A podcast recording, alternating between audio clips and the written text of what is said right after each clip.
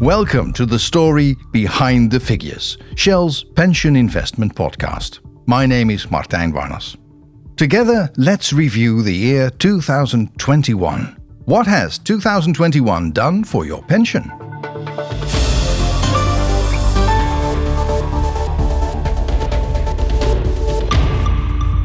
Life will win over death, and light will win over darkness. Glory be to Ukraine. After the corona year 2020, 2021 again was a year of extremes. We're going to walk down to the Capitol. London, Buckingham Palace has just announced Prince 2021 is Duke also Edinburgh the year with images of Dutch supporters age in of Zandvoort and Abu Dhabi, container where Max Verstappen raced his bank, way to the Formula one One World Championship. Shipping lanes. Also, the year in which age the Municipal 18 are Health now Service- eligible for a COVID booster shots. And it is double Dutch delight for Max Verstappen, who crosses the line to win the Dutch Grand Prix. Meanwhile, long term interest rates are creeping up, but the dreaded high inflation did not materialize for the larger part of the year. Inflation only picked up in the autumn, and in the last few months it reached rates ranging from 5 to as high as 7% in some countries, including the Netherlands. Central bankers initially argued that this was a transitory problem, but that view gradually changed. This higher inflation could well last for longer. The cost of living in the UK is rising and it's changing people's lives. All evidence suggests this is just the start. As a result, raising policy interest rates, a discussion that has long been non existent in Europe, unlike in the US, is suddenly back on the agenda of policymakers. In this economic climate, stock markets are breaking records, while bonds are yielding only moderate returns due to rising interest rates in both developed and emerging countries. All this is driving interest in commodities as a hedge. To talk about it, Even commodity and property shares are doing much better than government bonds. Among the stock markets in developed countries, US shares are the best performers, such as Apple, Microsoft, Amazon, Facebook, and Alphabet. It's an EPS beat for Apple, $1.52 versus $1.43 per share estimated. In contrast, the return on shares in a number of emerging markets is trailing behind.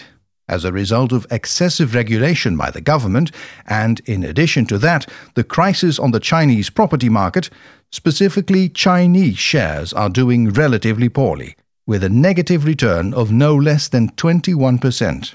Also remarkable in 2021 is that share prices in IT and energy sectors fared extremely well, thanks to a doubling of oil prices and an accelerated digitalization of society due to COVID 19. Now that vaccine drives have been underway, at least in industrialized nations and emerging economies, how much of remote working is here to stay? For Shell Pension SSPF, these trends have led to good investment results of more than plus 9%.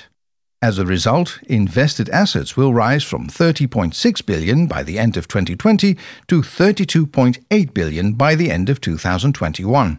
Also, the nominal coverage ratio will rise, aided by rapidly rising interest rates from 110 to 131%. Markets tumbled yesterday as the 10 year Treasury yield hit a one year high. Big tech got slammed. Microsoft lost more than 2%. Alphabet, Facebook, and Apple. However, a number of those new circumstances call for investment adjustments. Although rising interest rates have a positive effect on our coverage ratio and reduce the need to have cash reserves, they also pose a risk in the long run. That is why we have started to increasingly hedge interest rate risks and are doing the same with inflation risks. Furthermore, in 2021 we will intensify ESG efforts, our socially responsible investment policy or SRI. This is not solely caused by stricter European laws and regulations, as we also have spirited discussions in the Board of Trustees. Which shares or countries do you invest in, or not? Recently, for example, all Russian investments were divested, and we no longer invest in this country. Thanks to smart interventions in support of your pension, your pension now ranks among the best in the Netherlands. And, quite unique in the world of pensions, your pension has been fully indexed this year. Not only 5% for 2022, but also a catch up indexation of 0.7% for 2021. Thanks for listening. You've been listening to a podcast of Shell Pension. This episode was produced by Debbie van der Voort, Gerrit Gunning, and Martijn Warners. See you next time.